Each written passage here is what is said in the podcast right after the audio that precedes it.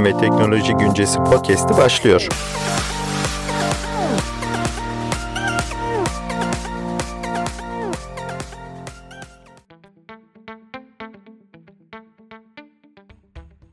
Bilim ve Teknoloji Güncesi podcast'ine hoş geldiniz. Bu bölümde günümüz teknolojisinin kalbi mikroçiplerden bahsedeceğiz. Çoğul konuşuyorum çünkü bir misafirimiz var ve konuya dair aklıma takılan soruları sektörü takip eden genç bir mühendis arkadaşıma soracağım. Şimdi detaylara geçelim.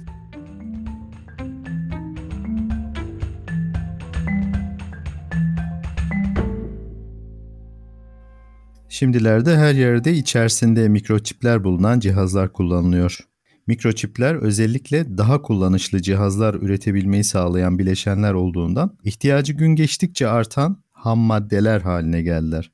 Peki mikroçip denildiğinde aklımıza ne gelmelidir? Nedir bu mikroçip? Mikroçip silikon ana maddeden üretilen yarı iletkenlerle tasarlanmış elektronik devrelerdir. Olabildiğince küçük alanlarda olabildiğince fazla sayıda elektronik devre bileşenleri yerleştirebilmeyi mikroçip üretim teknolojileri sağlayabilmiştir. Bu devreler için hedeflenen işleve yönelik oluşturulan yazılımlarla elektrikli cihazların kontrol edilebilmesi mümkün olabilmekte. Çip teknolojisinin ilk gelişim yıllarında ölçü birimi olarak mikron kullanılırken günümüzde metrenin milyarda biri olan nanometre kullanılmaktadır. Çip konusu araştırıldıkça fark ediliyor ki çip üretimi iki majör adımdan oluşuyor. Birinci adım tasarım aşaması, ikinci adım fabrika üretim aşaması. Dünyada yüzlerce çip tasarım firması olmasına rağmen tasarlanmış yaratımları ürüne dönüştürebilen çok az sayıda üretici firma bulunmakta. Tasarım aşamasında hedefe yönelik özel araçlar ve özel programlama dilleri kullanmak gerekiyor. Yani çip tasarlanmasında kendine özel bir dil var ki bu dil donanım tanımlama dili ya da HDL olarak biliniyor. Bunun en yaygın olanı da Verilog HDL dilidir. Bileşenlerin yerleşim ve bağlantıları tamamlandıktan sonra test aşamalarıyla teyit sağlanıyor ve nihayetinde üretim için fabrikaya gönderiliyor. Sonuçta tasarım çeşitliliği ve kullanım amaçlarına göre değişiklik gösteren mikroçipler gün geçtikçe güçleniyor. Güçlendikçe de üretim süreçleri daha karmaşık hale geliyor. Milyarlarca insan artık vazgeçilmez olarak telefonları, bilgisayarları, televizyonları, akıllı saatleri, ev gereçlerini, arabaları mikro işlemcilerle çalıştırabiliyorlar. Dolayısıyla belki de daha önceleri analog ve veya mekanik çoğu işlem mikroçiplerle yerine getirildiğinden ciddi anlamda bir mikroçip bağımlılığı ortaya çıktı.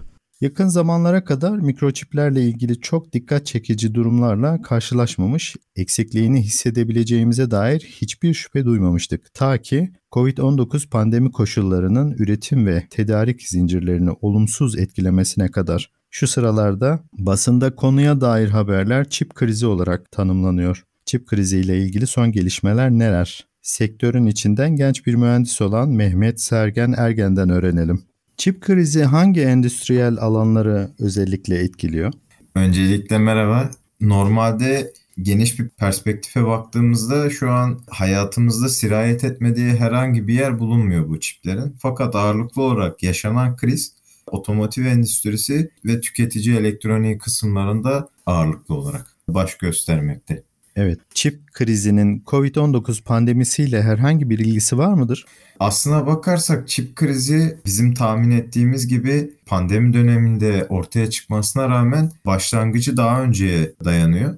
Ee, bunu da somut örnekler vererek aktarmak gerekirse yaşanılan kriz Mart 2021'den itibaren çok yoğun ortaya çıksa da öncesinde şu an e, dünyadaki çoğu e, üretim hacmini kapsayan Asya Pasifik bölgesinde yaşanan iklimden kaynaklı krizler sonrasında yaşanmaya başladı. Özellikle işte Pakistan, Hindistan, Malezya kısmını bir parçaya ayırabiliriz. Daha sonrasında Tayvan, Çin ve Güney Kore tarafını ayırabiliriz.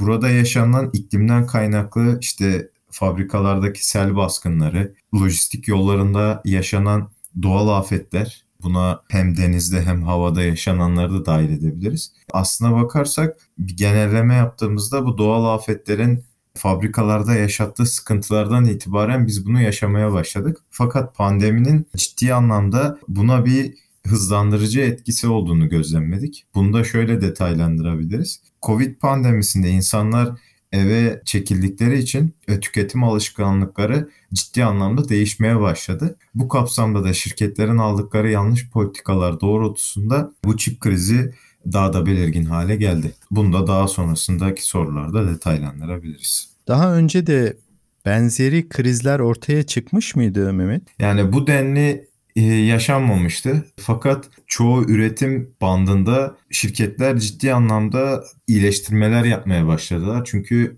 nüfusun artmasıyla beraber şöyle ciddi bir istatistik artık ortaya çıkmaya başladı. Her yıl üretilen mikroçipe e, bir 100 milyar daha ekleme ihtiyacı ortaya çıktı İşte nüfusun artması ve her yerde işte bulaşık makineleri, beyaz eşyalar, daha sonrasında otomotiv endüstrisi, tüketici elektroniğindeki işte evde süpürgelerden başlayarak her yere yavaş yavaş çığ gibi büyüyen bir çip teknolojisiyle teknolojiler geliştirilmeye başlandı. Bundan ötürü de buraya gideceği belliydi ama bu anlamda son 3-4 senedir yaşadığımız şekilde bir kriz yaşanmamıştı.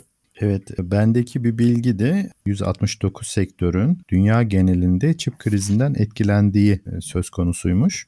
Bir de daha öncesinde Çin'le Amerika Birleşik Devletleri ekonomik olarak birbirlerine karşı ellerindeki kozları ortaya sürmüşlerdi. Bundan sonrasında bu krizler ufak ufak ortaya çıkmaya başladı. Ne dersin? Bunun bir etkisi var mıydı acaba? Güncel politik gelişmeler ve bunun ekonomiye yansımaları bunu derinleştirdi mi? Bu vardı da yüzeye mi çıktı? Yoksa bir anda Çin ile Amerika Birleşik Devletleri'nin ekonomik e, olarak birbirlerine üstün gelme gayretleri sonucu mu ortaya çıktı? Senin bu konudaki görüşün ne? Aslına bakarsak biraz daha e, kronolojik gitmek istiyorum ben. 1990'lı yıllara baktığımızda Amerika bu üretim hacminin yaklaşık %30 e, ila %36'lık civarda bir kısmını elinde bulunduruyordu. Fakat günümüze geldiğimizde 2021 verilerine göre bu dilim %10'a düşmüş ve ciddi anlamda Asya Pasifik bölgesine kaymış durumda. Buraya da daha önce alt başlıklarla belirttiğim gibi Tayvan, Çin ve Güney Kore bloğunu koyabiliriz. Fakat 1990'lardan 2021'e geldiğimizde aslında gidişatın tam tersi yönde bir yol izlediğini görebiliriz. Fakat son zamanlarda yapılan e, yatırımlar Çin, Amerika ya da Doğu ile Batı arasındaki bloğun daha da kızışmasına sebep olacak. Sebebi de şu. Amerika Biden'ın son yaptığı açıklamada 50 milyar dolarlık bir bu alana yatırım yapmak istediklerini duyurdu ki zaten bu endüstride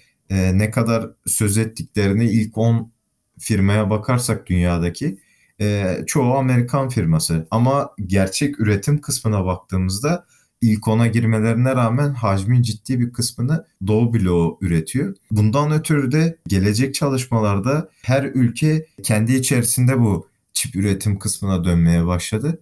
Bu sefer Doğu ve Batı arasında oyunu bozan bir blok daha çıktı. Bunda Almanya'nın da çok büyük etkisi var. Avrupa Birliği 2030 yılına kadar yaymak üzere 150 milyar dolarlık bir yatırım yaptığını açıkladı. Çünkü Almanya'nın bu işe doğrudan etki etmesinin sebebi otomotiv endüstrisinin e, şu an en üstünde yer alıyor. Ve bu savaştan kopmamak için ne Amerika'ya ne de Çin'e bağlılık göstermemesi gerekiyor. E, ben alt metinde Almanya'nın çok ciddi anlamda ısrarının olduğunu ve haberleri takip ettiğimizde de e, bu tür üretim kayışlarının doğu batıdan ziyade artık ülkelerin kendi yatırımlarına kayacağını düşünüyorum. Tabii ki bu görüş gelişmiş ülkeleri kapsayarak ilerlemekte şu an için. Peki derli toplu öğrenmeye çalışayım senden. Acaba hangi ülkeler çip üretebilme kabiliyetine sahip?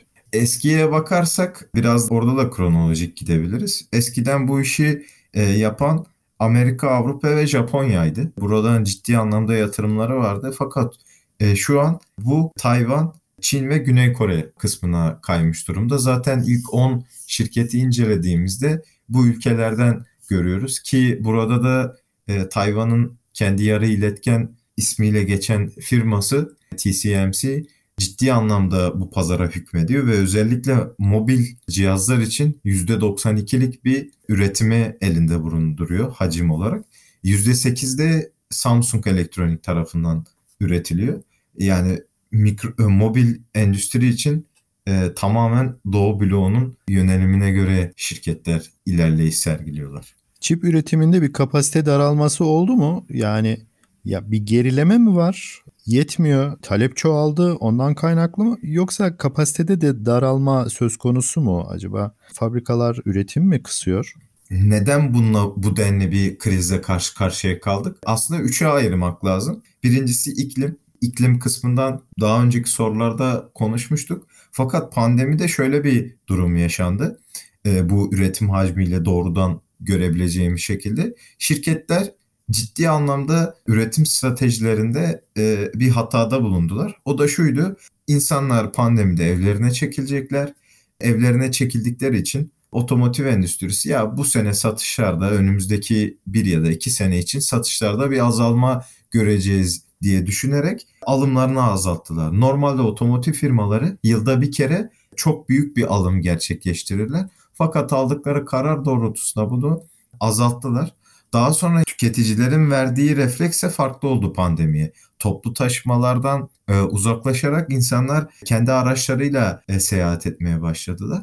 Bu başlayış çerçevesinde de haliyle üretici firmalar tüketici elektroniğine bu üretimlerini kaydırmaya başladılar ve otomotiv endüstrisi de haliyle tüketicinin verdiği refleks doğrultusunda yapmaması gereken yani en azından agresif bir şekilde e, çok ciddi bir alım yapmaya çalıştı. Fakat çoktan tüketici elektroniğine kaymış durumdaydı. Aslında hacimde bir daralmadan ziyade hacim doğru yöneltilemedi. Fakat e, verdiğim istatistikteki gibi her yıl ürettiğimiz cihaza kullanılan mikroçip miktarına 100 milyar tane daha eklememiz gerekiyor. Bu artık insanların tüketim alışkanlıklarına göre de hacmin daha da genişleyeceğini ve bu pastadan daha büyük e, ülkelerin, şirketlerin yatırım yapanlar için tabii söylüyorum bunu pay almaya çalışacaklarını görebiliriz ama sorunuzu daha da özetleyerek bir cevap vermek gerekirse giderek bu hacim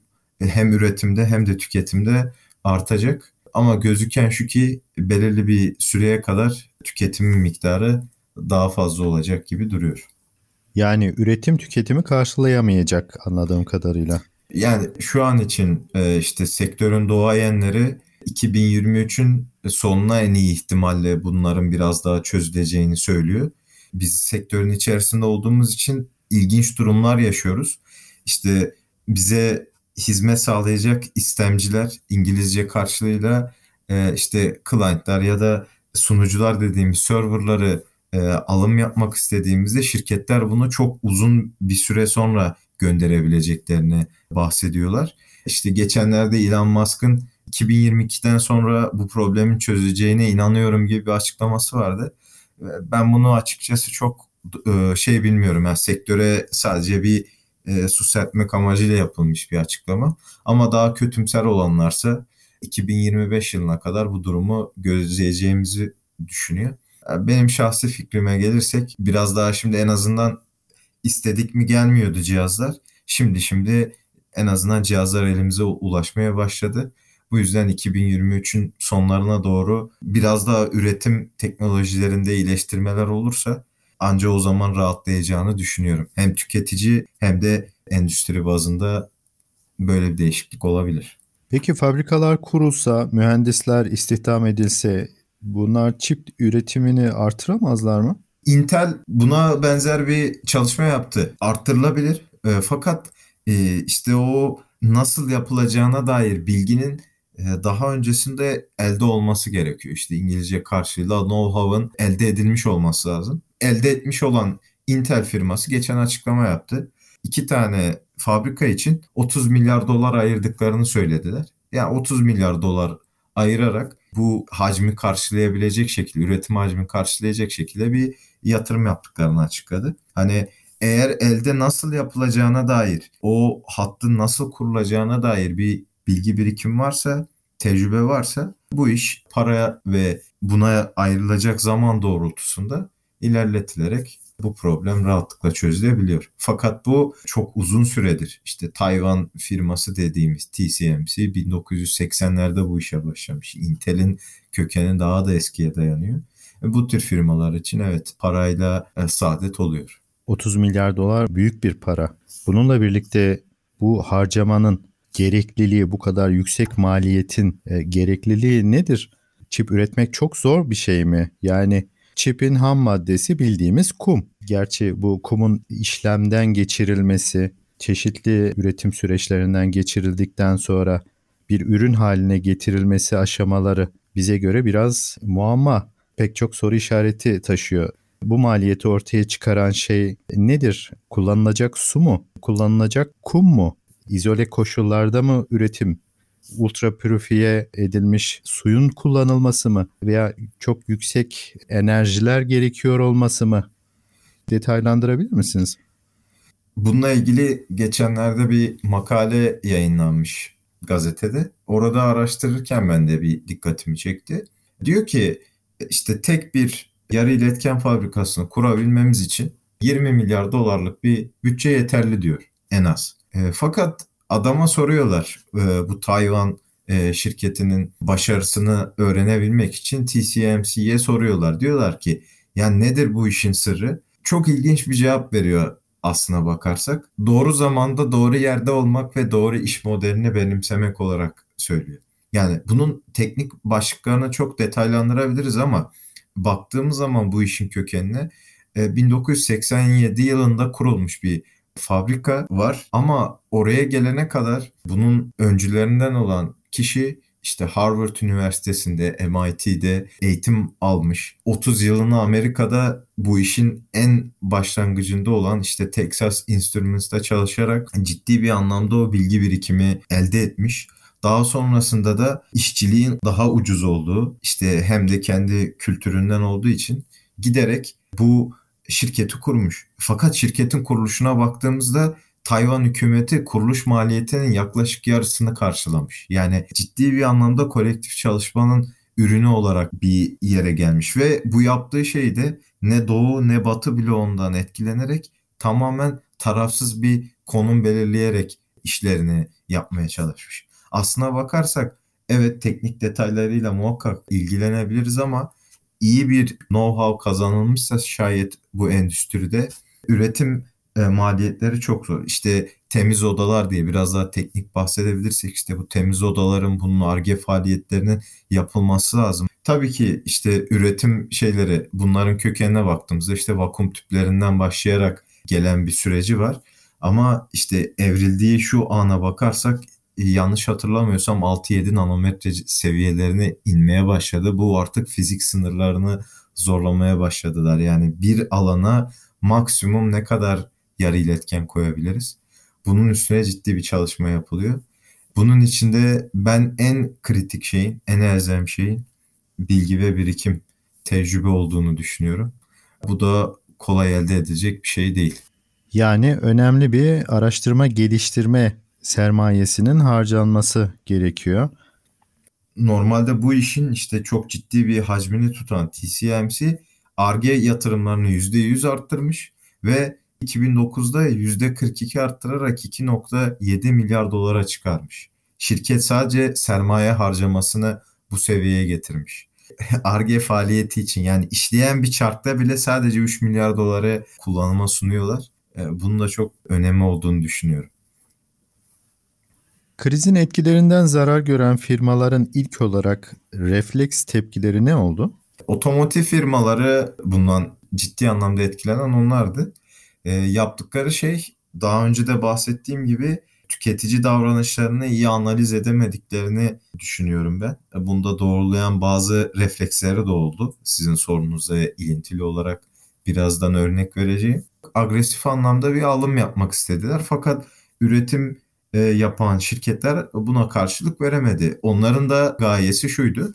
Tüketici elektroniğinde ciddi anlamda işte e, bilgisayarlar, telefonlar ciddi anlamda talebe maruz kalınca onlar kaynaklarını oraya döndürdüler. Bundan da e, karşılık alamayan e, şirketler elektronik anlamda az gereksinime sahip araçlar çıkarmaya başladı.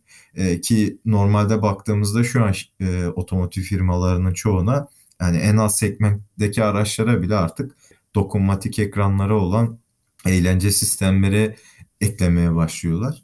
Fakat insanların ilk amacının işte bir yerden bir yere ulaşmak olduğunu gözlemleyerek çok alt donanımlara sahip araçlar üretmeye başladılar.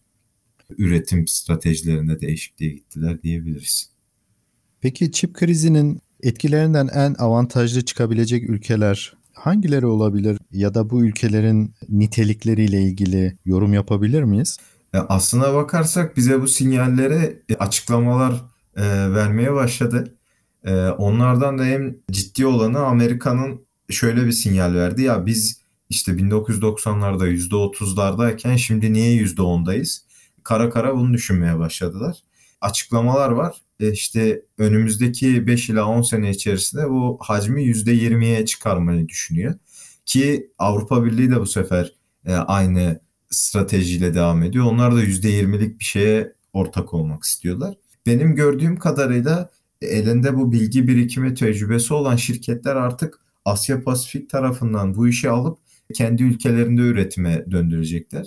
Üretim teknolojisine sahip olan, bilgi birikime ve tecrübeye sahip olan ülkeler, bunun başında Amerika, Avrupa, e, Japonya, Güney Kore, zaten e, Tayvan ve Çin tarafı da ciddi anlamda buna yatırım yapmış durumda. Bunlar da daha da e, artış göreceğimizi düşünüyorum. Fakat bundaki tek ölçüt bu da değildi. Yaşadığımız o iklim krizi de buna çok ciddi anlamda düşünmeye başladı. Amerika'nın yani pandemiyle beraber aldığı karardan ziyade daha öncesinde de bir yapmaya çalıştıkları bir süreç olduğunu da biliyoruz.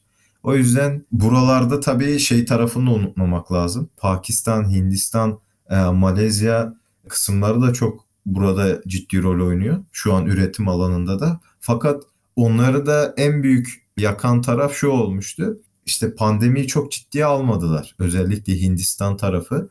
E, onlar da ciddi anlamda etkilendi. Tabii ki onlar üretim yapan taraftalar. İşin arge tarafında değiller şu an için özellikle o bölgeden öyle bir şey beklemek çok doğru olmaz ama işçiliğin ucuz olmasından ötürü onlarda da e, yine üretim yapılmasından dolayı belki bir arge yatırımları da gelebilir. Ama hani eğitim ve e, siyasi politikaların çok o bölgeye kayacağını düşünmüyorum. O yüzden bunu yapabilen her ülke kendi içerisinde lojistik ve iklim faktörlerinden etkilenmemek için kendi içinde bu işi çözmeye çalışacağını düşünüyorum. Ülkemiz için durum nedir acaba? TÜBİTAK'ın projesi vardı, Çakıl projesi diye. Buna dair yatırımlar e, Türkiye'de de yapılıyor diye okuyoruz. Zaman zaman özellikle savunma sanayi ile ilgili çip üretiminin yolda olduğu, artık bir ürün haline getirilme aşamasına geldiğinden bahsediliyor. Bildiğim kadarıyla tasarım aşamasında. Ancak üretim aşamasında herhalde önemli bir maliyeti olduğundan dolayı fabrikaya e, henüz verilebilmiş değil diye biliyorum. Acaba bu konuda bunun gidişatı ile ilgili sizin bir bilginiz var mı? E, bununla ilgili son zamanlarda Aselsan'ın e, Bilkent Mikro Teknolojileri Sanayi Şirketi ile beraber 30 milyon dolarlık yatırımla kurulan bir yarı iletken fabrikası olduğunu duymuştuk. Bu işin başına optik teknolojisinde çok ileride olduğu için Aselsan ve e, akademik kültürüyle e, ve ciddi bir saygınlığa sahip olan Bilkent Üniversitesi ile beraber bir atılım vardı. Okuduğum bazı haberlerde geçtiğimiz yıllarda faaliyete geçtiğini duyurduk ama e, bizim işte tüketici elektroniğinde kullanılan işlemciler e, çok kompleks yapılar. Yani bunların üretim süreleri de çok uzun sürüyor. Belki savunma sanayinde yapılacak teknolojiler nispeten e, bir bilgisayar kullandığımız laptoplardaki bir işlemci kadar kompleks olmasa da sadece o anki problemi çözecek seviyede bir çalışma yapılarak bu çipler üretilebilir. Fakat 30 milyon dolarlık yatırımdan bahsediyoruz. Bunlar e, büyük ölçüye baktığımızda yeterli değil. E, fakat küçük ölçüye baktığımızda yani günlük bazı problemleri çözmeye çalışabilir. İşte bununla ilgili Aselsan'ın başka yaptığı da atılımlar vardı. Özellikle optik hocalarıyla beraber ciddi çalışma da yaptılar. Hatta bununla ilgili bir başka bir özel bir firmayla da çalışma ortaklığı kurulmuştu. Fakat şu ana kadar gördüğümüz kısmıyla e, Aselsan TÜBİTAK özelinde e, kısa sürede bir çıktı görmeyeceğiz. En azından büyük ölçek ama küçük ölçekte savunma sanayinin e, işte o eşsiz ve bütünsel yapısını göz önünde bulundurursak dışarıdan işte ambargo yeme ihtimallerin doğrultusunda ilk kısmın e, o tarafa kaydırılacağını düşünüyorum. Çünkü eşsiz olmasının sebebi o. İşte kullanacağın MMU'lardan bahsediyoruz, helikopterlerden bahsediyoruz, işte gemilerden bahsediyoruz. Bunlar için bu çipleri üretmen gerekecek. Ee, yani üretme ihtiyacı doğacak. E baktığınızda büyük ülkeler bile buna yatırım yapmışken Türkiye'nin de en azından küçük ölçekte ve kısa vadede bu tür yatırımlarının olabileceğini düşünüyorum. Bu uzun bir süre yetiren bir şey.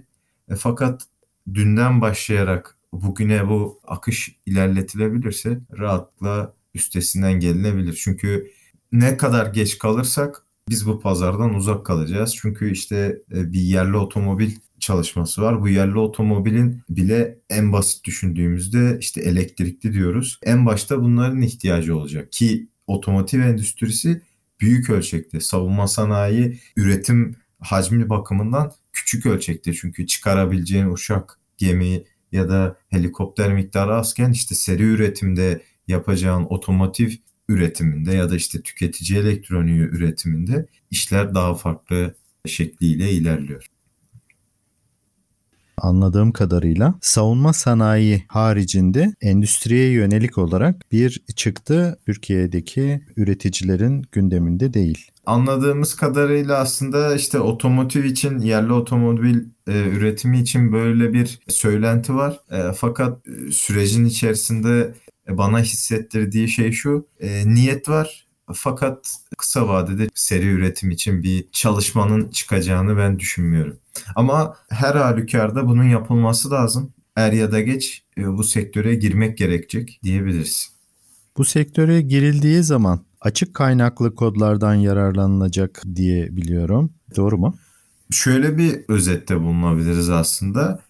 Aselsan'ın yapmak istediği mikroçipte işte bu işe girdiklerinde 90 tane farklı patentle karşı karşıya kaldıklarını biliyorum. Bu 90 farklı patent için e, yeni bir üretim teknolojisinin ya da işte yaklaşımının geliştirilmesi ciddi anlamda zor. Yani bu patentler satın alınmak istense bile bunlar ciddi meblalara e, karşılık geliyor ki e, bunu işte ne, ne kadar müttefik olsan bile ülkeler vermek istemeyecektir. Bu yapılan çalışmalar doğrultusunda açık kaynak şu an çoğu endüstriye diz çöktürmüş durumda. Bunun da sebebi şu yazılım endüstrisinde en erdemli davranışlardan bir tanesi karşılaştığın hatayı ya da geliştiğin geliştirdiğin ürünü başkalarıyla paylaşmak. Bunun da sebebi şu biz herhangi bir sorunda karşılaştığımızda ilk başvurduğumuz yer işte e, GitHub diye bahsettiğimiz e, kodları barındıran site. E, bu sitenin sahibi de son zamanlarda ciddi bir miktara e, satılarak Microsoft tarafından alındı. Ya da işte Google'da aradığımızda işte en çok karşılaştığımız e, sitelerden birisi olan Stack Overflow'da e, arayarak ya da işte e, yer yer Reddit'te ya da işte açık kaynak hizmeti sunan community'ler e, diye özetleyeceğimiz toplulukların sağladığı siteler vasıtasıyla problemlerimizi çözüyoruz. Ve elde ettiğimiz bilgi birikimleri ya da karşılaştığımız sorunları bu tür sitelere ekleyerek biz de aslında katkıda bulunmuş oluyoruz. Türkiye'nin işte bu tür e, işte 90 tane patentlerden falan bahsedilen bir yerde açık kaynaklara yatırım yapmasının doğal bir sonuç olduğunu düşünüyorum. Ha, burada e, bazı şeyler gerçekçi olmayabilir. İşte biz her şeyi kendimiz geliştireceğiz. Yani böyle bir yaklaşımla zaten mühendislik problemlerinin çözülebileceğine ben inanmıyorum. O yüzden daha önce denenmiş, altyapıları kurulmuş bir yaklaşımlar varken ve bunu açık kaynakta sunularak e, size iletilmesini sağlıyor. Tabii bunların hani üretimler için ticari anlamda farklı prosedürleri olabilir. Onları detaylı araştırmak lazım ama işte kapalı kaynak diye e, bahsettiğimiz işte bunlar patentlerle koruma altına alınmış algoritmalar, üretim planları, işte donanım tasarımları vesaire olabilir.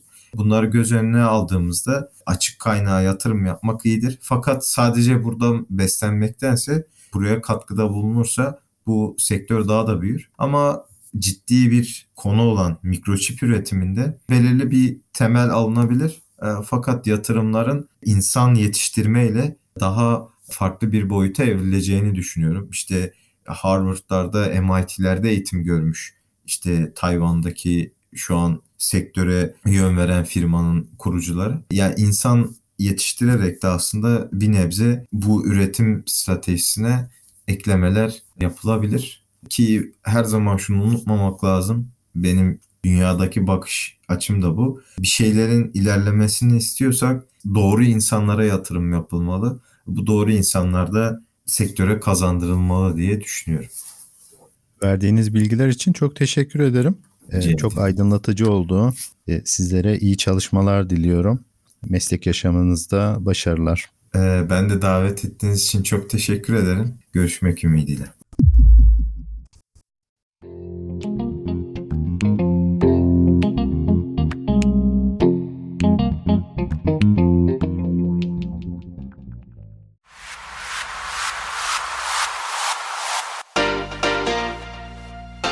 Bilim ve Teknoloji Güncesi podcast'ini iTunes, Spotify ve Google Podcast üzerinden dinleyebilirsiniz.